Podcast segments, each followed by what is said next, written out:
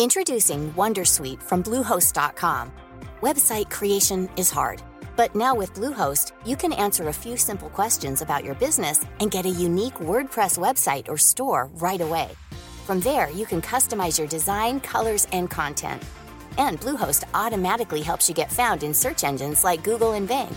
From step-by-step guidance to suggested plugins, Bluehost makes WordPress wonderful for everyone. Go to bluehost.com/wondersuite. Switching to Shopify helps you sell smarter at every stage of your business. Take full control of your brand with your own custom online store. Wow, looks amazing. Find more customers with our easy-to-use marketing tools. Piece of cake. And let the best converting checkout on the planet do its thing. Whatever your stage, businesses that grow grow with Shopify. Switch to Shopify today for a $1 a month trial at shopify.com slash listen. Shopify.com slash listen.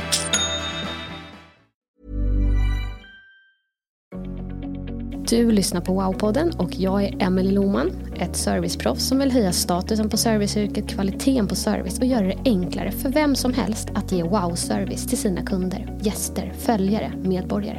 Det gör jag genom att utbilda, föreläsa, skriva och podda om service, wow-service. I podden får jag chansen att prata service och kundupplevelser med inbjudna gäster som jag inspireras av och som jag hoppas kan inspirera dig. Så nu dyker vi in i det här avsnittet. Hej och välkommen till Wow-podden och välkommen till Wow-podden Sofia Tingåker. Tack snälla, väldigt kul att vara här. Ja, kul att du ville komma hit. Ehm, berätta lite kort, vem är du och vad gör du? Ja, Eh, ja men Sofia Tingåker heter ju då jag och har en bakgrund både från näringslivet och offentlig sektor. Så jag har haft lite olika roller både som ledare men också som medarbetare i båda sektorer. Men de senaste sex åren så har jag jobbat inom offentlig sektor och nu senast tre och ett halvt år som enhetschef för kontaktcenter i Täby kommun. Då. Mm. Spännande. Ja, och man kan väl säga att genomsyra alla, alla roller som jag har haft så är det väl just kundfokus som har varit mm. det som man kan se en röd tråd i. Men annars har det varit ganska vitt och brett olika typer av roller som jag haft. Ja. Vad är riktigt bra service för dig? Har du fått wow-service på senaste? Mm, senaste tiden? Oj. Eh, nej men för mig tror jag wow, wow-service handlar om eh, det här genuina. Att känna att någon verkligen bryr sig och eh, sätter sig in i min situation och känns gedigen och ärlig och genuin på något sätt. Eh, att jag blir bemött i det och att personen försöker verkligen anstränga sig för att hitta lösningar. Och, kan man få det lilla extra då blir det ju det här wowet och att man blir lite tagen med storm kanske till och med. Mm. Så, och, och, exempel på det, eh, kanske ett konstigt exempel men det var ju när man födde barn. Ja. För där var man ju ganska utlämnad och eh, sårbar. Mm. Men barnmorskan där, eh, hur hon tog sig an mig och fick mig lugn men också gav saft eller liksom höll om mig och sådär. Den här mm. känslan av att ja, men hon bryr sig på riktigt och hon mm jag känner, känner, nästan som att hon var som en ängel i det där rummet där och då. liksom så här, alltså, trots att det kanske inte man tänker på det som service så, så var det verkligen den här, oh, hon, hon mötte upp de behoven och eh, hjälpte mig där och då. Mm. Så det tycker jag är wow-service. Sen kan det ju finnas service som en helt annan situation när man reser och kanske blir uppgraderad till ett mm. superhäftigt rum och, och, och sådana där grejer. Det är också wow, men det blir på ett annat sätt. Mm. Eh, Ja, vi pratade ju lite innan om att både du och jag ser på service som att det är ju så mycket liksom, det kan ju vara något så mycket större att det är när vi möter varandra eller ja. möter någon annan ett, liksom ett mindset, en attityd eller hur vi är med varandra. Ja men verkligen. Att, eh, det är många branscher där man kanske inte tänker service men som jag och även du kanske då ser service. Ja. Som till exempel om man, i, i vården eller busschauffören. Ja eller, men verkligen. Eh. Och den här i vardagen att se mm. varandra och att eh, uppmuntra och eh, stötta, hjälpa varandra och lyssna och bekräfta varandra. Mm. Eh, och det börjar ju direkt när man eh, går in på jobbet. Verkligen. Eh, att bara säga hej och sådär. Så att där har man ju fått en bra start på dagen. Verkligen.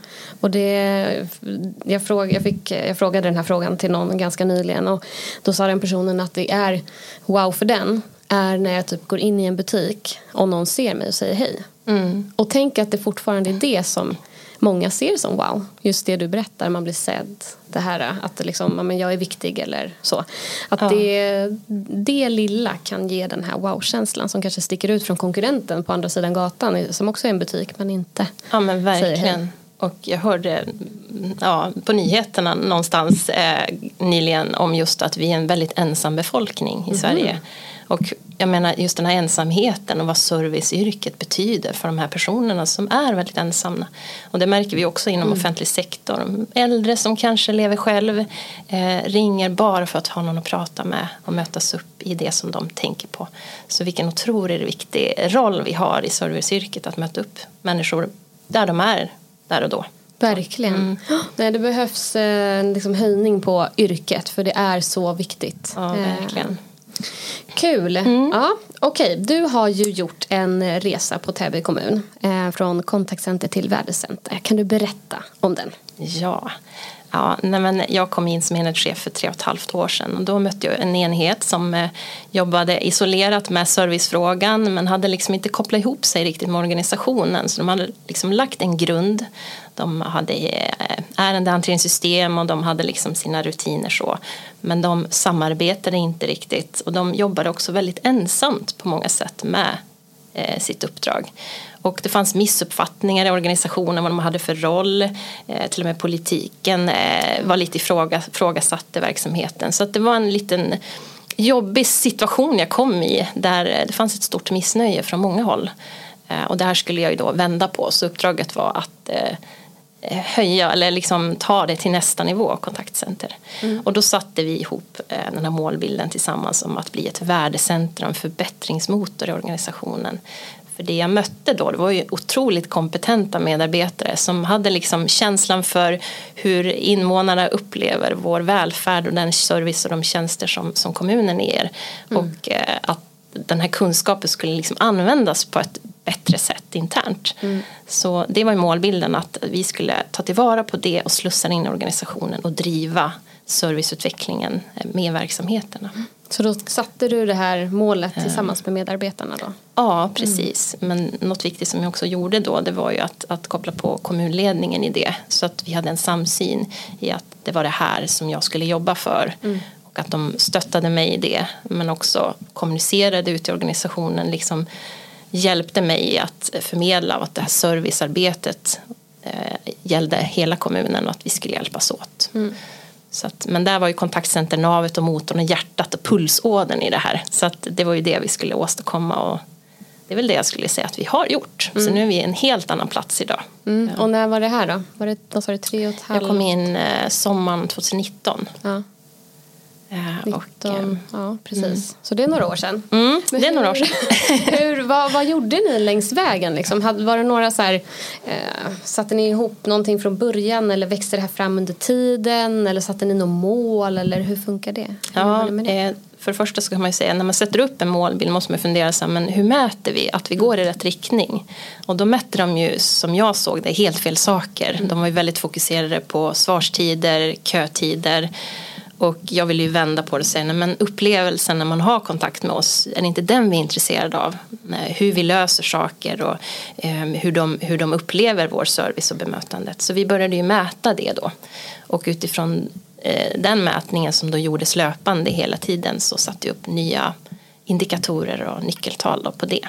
Mm. Så det var liksom sättet att någonstans hålla i någonting och mm. titta på eh, okej okay, nu har vi ett nuläge och sen så följer vi det över tid. Mm. Sen så tog vi fram statistikrapporter också för det handlade om att bygga egen kunskap om ja, men, av vårt jobb. Hur ser det ut? Hur ser flödet ut? Eh, eh, vad är det för frågor vi får in? Är det onödiga frågor? Och vad kan vi göra nytta någonstans? Så det var ju också att skapa eh, sådana här rapporter med statistik och analyser. Och det var ju också en resa att forma de här mm hur blir de matnyttiga och hur ska vi presentera dem så att man vill titta på dem överhuvudtaget. Statistik kan ju vara ganska så mm. tråkigt att titta på. Så det här handlar ju om att liksom paketera det snyggt också. Så, så det har också varit en, en resa i att forma och få ledningsgrupper och chefer att titta och faktiskt eh, vilja ta, sig, ta till sig det och visa det till medarbetare. Och, um, så, så att, det har varit många olika insatser men i grund och botten handlar det om att vi ville hitta vägar att bygga dialog med verksamheterna. Mm. Så de här rapporterna var ett medel till att skapa nyfikenhet och kunskap. Mm. Så att, eh, vi byggde upp en strategi för hur vi skulle driva dialog. Mm. Eh, Så att vi hade det på tre olika nivåer då. Mm. Så medarbetarna fick en, en kontaktroll till någon verksamhet för det operativa dagliga, mm. att lösa eh, det som ska gå snabbt och enkelt. Eh, gruppledarna på kontaktcenter de hade dialog med olika avdelningschefer och tog med rapporterna och hade diskussioner kring det. Och jag träffade högsta ledning och ledningsgrupper kopplat till det. Eh, för att hålla i, hålla ut och liksom också ha en samsyn där och också lösa vissa frågor som man behöver komma över för att inte fastna i mm. utvecklingsfrågor. Det kan vara budget eller bemanning i projekt eller, eller sådär. Mm. Det är snyggt att involvera alla också. Mm. Ja, så att det blev liksom, vi skapade någon, någon kultur i organisationen där alla började jacka i det här sakta men säkert. Då. Mm. Hur upplevde du, var det lätt att få med sig eh, olika delar? Var det lite var det utmanande eller hur var det för er? Det brukar vara lite olika liksom, så här, vissa är så positiva och ja, vad var din upplevelse? Ja, alltså det var ju både och. Ja. Eh, vi fick ju verkligen bjuda in oss själva i mm. början mm. och ja. Eh, vissa tackade nej och man fick lägga på och när man väl kom dit så kanske gensvaret inte var woho, liksom så. Utan man fick eh, snyggt börja visa på vad vi kunde bidra med. Det handlar ju väldigt om att vi kan hjälpa er. Ja, men titta här, ska vi kunna göra det här tillsammans?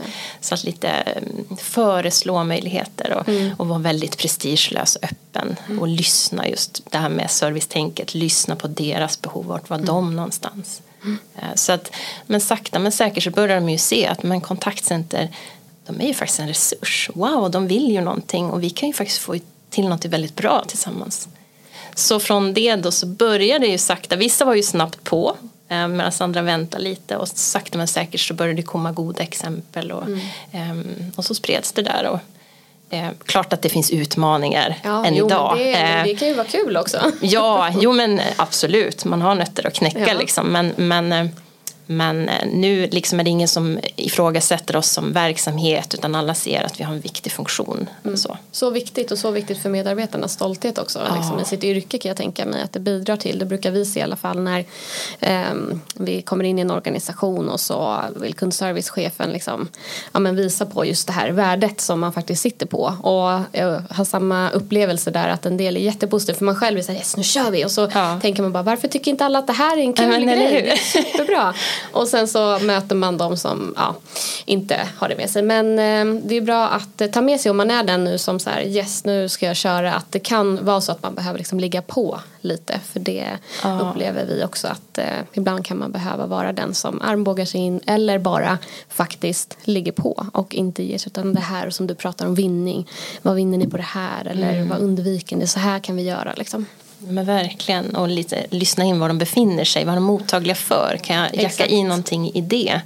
Eh, och inte liksom trycka in hela paketet på en gång utan börja någonstans. Eh. Möta dem i deras ruta där de är så ja. försöker man sakta få över dem på. dem lite. Ja, över. Absolut. Superbra. Eh, vad är dina största lärdomar under den här resan? Oj, det kanske är just det att mm. eh, lyssna in på vad, vad, målgruppen eller den part du ska liksom få med dig på tåget, vart de befinner sig och liksom ha ett öppet sinne och vara prestigelös i ditt förhållningssätt och visa att du är liksom en möjliggörare för dem. Eh, du är en tillgång och du vill väl. Mm. Eh, och det gällde också medarbetarna skulle jag säga. Det här var ju en förändringsresa som både var positiv men också jobbig mm. på många sätt. Och vissa tyckte liksom att det är tryggt att veta exakt vad jag ska göra varje dag. När man driver förändring så vet man inte utan man sätter upp en målbild och hur ska vi skapa tillsammans. Så att få de här att börja agera och komma med idéer och kreativt forma den här riktningen mm. tillsammans.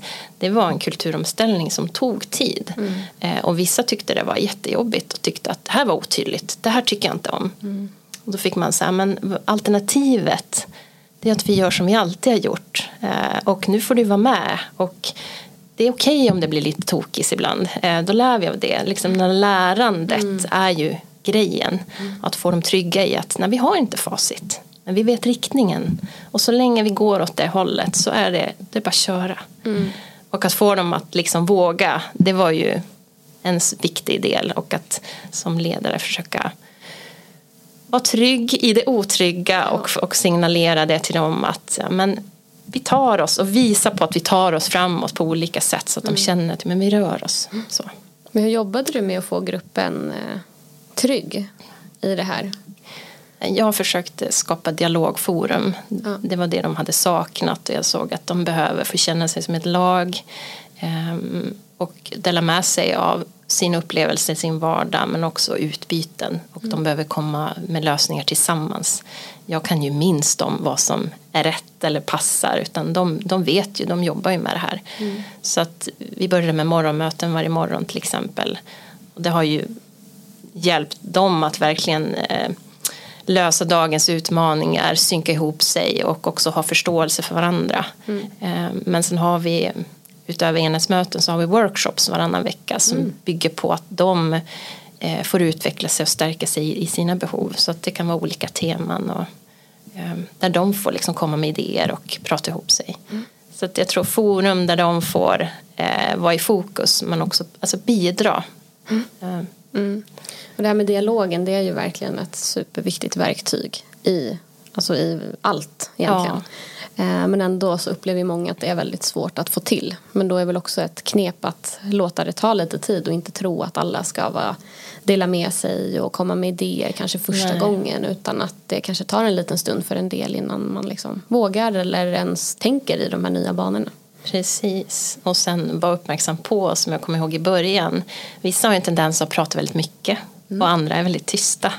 Och hur får man en balans i att alla kommer till tal? Så det där måste man också fånga upp hur alla fungerar så att man liksom kanske sätter ihop team som gör att de vågar öppna upp eller att man eh, ser till att alla får chansen, laget runt. Någonting som gör att alla känner sig delaktiga. Så det är också en sån här medskick. Var lite observant på att alla verkligen kommer, med, kommer till tals. Eh, Så är det ju verkligen. Det märker vi också att det är en del som gärna pratar. Och Ja. en del. Men ibland kan ju de bästa idéerna komma från någon som inte vågar. Så man vill ju verkligen få, få med alla. Men Ja. vi kan också uppleva ibland att en del att man kan skicka ut något innan så man får liksom reflektera. För en del är liksom mer reflekterande. Precis. Ehm, så att man får chansen att verkligen fundera över det här. Ja. eh, tills mötet eller workshopen eller vad det kan vara för någonting. Ja men verkligen, att man får tiden och att man kan ta upp det igen eh, någon vecka senare eller så. Precis. Men hur, eh, så nu har ni nått i mål? Eller man är ju aldrig i mål. Eh, men- är aldrig i mål är man ju inte men, men vi har en plattform som jag står på som är väldigt liksom en bra bas och trygg och där det handlar om att egentligen bara växla upp takt och driva fortsatt utveckling med de starka relationer vi har. Så att, eh, och sen stärka oss själva i våra roller, i vår utveckling och bredda kompetenserna trots att vi är olika specialistteam, att fler ska kunna mer. Eh, Att vi ska stärka oss i servicerollen. Vi ska jobba mycket med coachning i år till exempel. Kul. Eh, ja. Så, Så att, det är nästa steg. ja, lite så. Ja. så att, eh, fokusera lite mer på oss själva igen också. Ja, härligt. Ehm, hur ser du på kundservice i framtiden? Har du några spaningar? Spaningar, men en oh, spaningar. Ja, nej, men spaningen generellt är väl att, att liksom det här med digitalisering och tekniken kommer få större roll i service. Eh, och det är, är ju en naturlig utveckling eh, samtidigt som jag tänker att behovet av just det här personliga är också en, liksom den andra delen av det. Så att de som vill ha självservice och lösa det kommer kunna göra det allt enklare medan såklart den eh, vanliga kontakten också kommer vara men kanske lite på ett kanske utvecklat mm, mer skräddarsytt sätt. Eh, Men jag tror att tekniken kommer ju såklart få en större plats men att vi kanske jobbar med service på ett lite mer personligt specifikt sätt istället och utvecklar det. Men eh, det här med talanalys verkar ju komma starkt. Ja, Ja, det är fantastiskt. ja men det är jättespännande. Och det är ju något nytt och jag tror speciellt inom offentlig sektor. Just det. Eh, så att där eh, spanar vi Ja. och ska nog prova på det lite grann eh, Ja. eventuellt. Det finns Så, Mhm. många coola system man kan använda sig av lite olika. Ja. Tänk om man hade haft det. Nu har man suttit liksom i, ja men hur länge jag jobbar med kundservice? Ja, nästan, inte 20 år men 15 år i alla fall. Och tänk om man hade haft den möjligheten Ja. då. Nu har man suttit och liksom vetat om det här för man själv har hört och man har följt statistik. Men det har tagit så mycket tid. Men nu kan det göra så mycket liksom automatiskt. Det är ju Ja. jättehäftigt att då kunna lägga tiden på kanske coachning eller liksom verkligen där man bör vara så att de, den här AI liksom kompletterar och verkligen ger en liksom tid att göra Mm. annat. Ja, som de kanske inte, som AI inte kan göra ännu. Nej men exakt. Att man får den här feedbacken väldigt snabbt och, Ja. och löpande. Ja, inte efter två veckor kanske utan Nej. att man kan faktiskt se direkt efter samtalet ibland eller vad Ja. det nu kan vara. Precis. Ja. Sen är det ju också spännande så här, hur mogen offentlig sektor för den här tekniken och ehm, hur kommer em, medarbetare kunna uppleva det här då. Så att vi mm, Ja, eh, det får blir- återkomma precis. efter att jag fått lite mer Jag erfarenhet från det. Vi continue. Du Ja, kör en podd när det har liksom kommit lite längre in Mm. i offentlig sektor. Ja, men det är spännande faktiskt. Spännande vinkel på den. Och, Ja. ja. Eh, är det någonting annat som du vill, alltså innan vi rundar av, så här, Mm. någonting du vill skicka med, någon frågeställning, övning, reflektion som lyssnarna kan ta med sig och ja, men fundera lite själva på gällande det som vi har pratat om idag? Oj, nej men jag tänker så här, när man driver förändring så handlar det ju om att eh, få medarbetare trygga i det otrygga och liksom någonstans ha en målbild och få dem att våga börja göra. Eh, inte ha alla, liksom, inte ha facit eller liksom veta exakt hur det kommer bli utan många är lite trygghetssökande eh, och att skapa den här tryggheten i det otrygga och då tänker jag att det är många som ja, vi borde göra en riskanalys och, och ja, eh, tänk om det här händer. My, mycket sådana frågor som kommer upp Ja. eh, av naturliga skäl. Men det jag skulle vilja ge medskick till det är att, liksom ställa, att mer ställa frågan men vad är det bästa som skulle kunna hända om vi gjorde så här? Att våga tänka tanken. För jag tänker Eh, utveckling kommer ju från, från eh, driv, från drömmar, från målbilder, från förhoppningar om saker. Och vi ska inte drivas av rädsla utan vi ska drivas av en, en lust och en, en tro på någonting. Och att, att bo, våga börja göra, se och lära och skruva längs vägen. Eh, så att det här att vad, vad, vad är möjligt om vi lyckades? Vad, vad skulle effekten kunna bli? Att våga tänka tanken och tänka wow. Eh, Då får man en skjuts och en energi bara där. Snyggt. Ja. Bra avslut och sammanfattning. tack och tack till dig Sofia att du eh, ville vara med idag. Eh, hur kommer man i kontakt med dig om man vill nå dig? Ja, men LinkedIn är väl kanske lättast att hitta mig. Och det finns ju bara en som heter som jag så att eh, där hittar man mig väldigt snabbt. Tusen tack att du ville vara med. ja, tack. Tack. Och tack till dig som har lyssnat. Tack för att du har lyssnat på Wow-podden. Om du gillade det här avsnittet så får du jättegärna dela och sprida podden till fler. Kom också ihåg att du kan prenumerera så att du får information direkt när nya avsnitt släpps så att du inte missar något. Vill du komma i kontakt med mig så når du mig på emily@wowservice.se. Gör dig nu en fantastisk dag så hörs vi snart igen.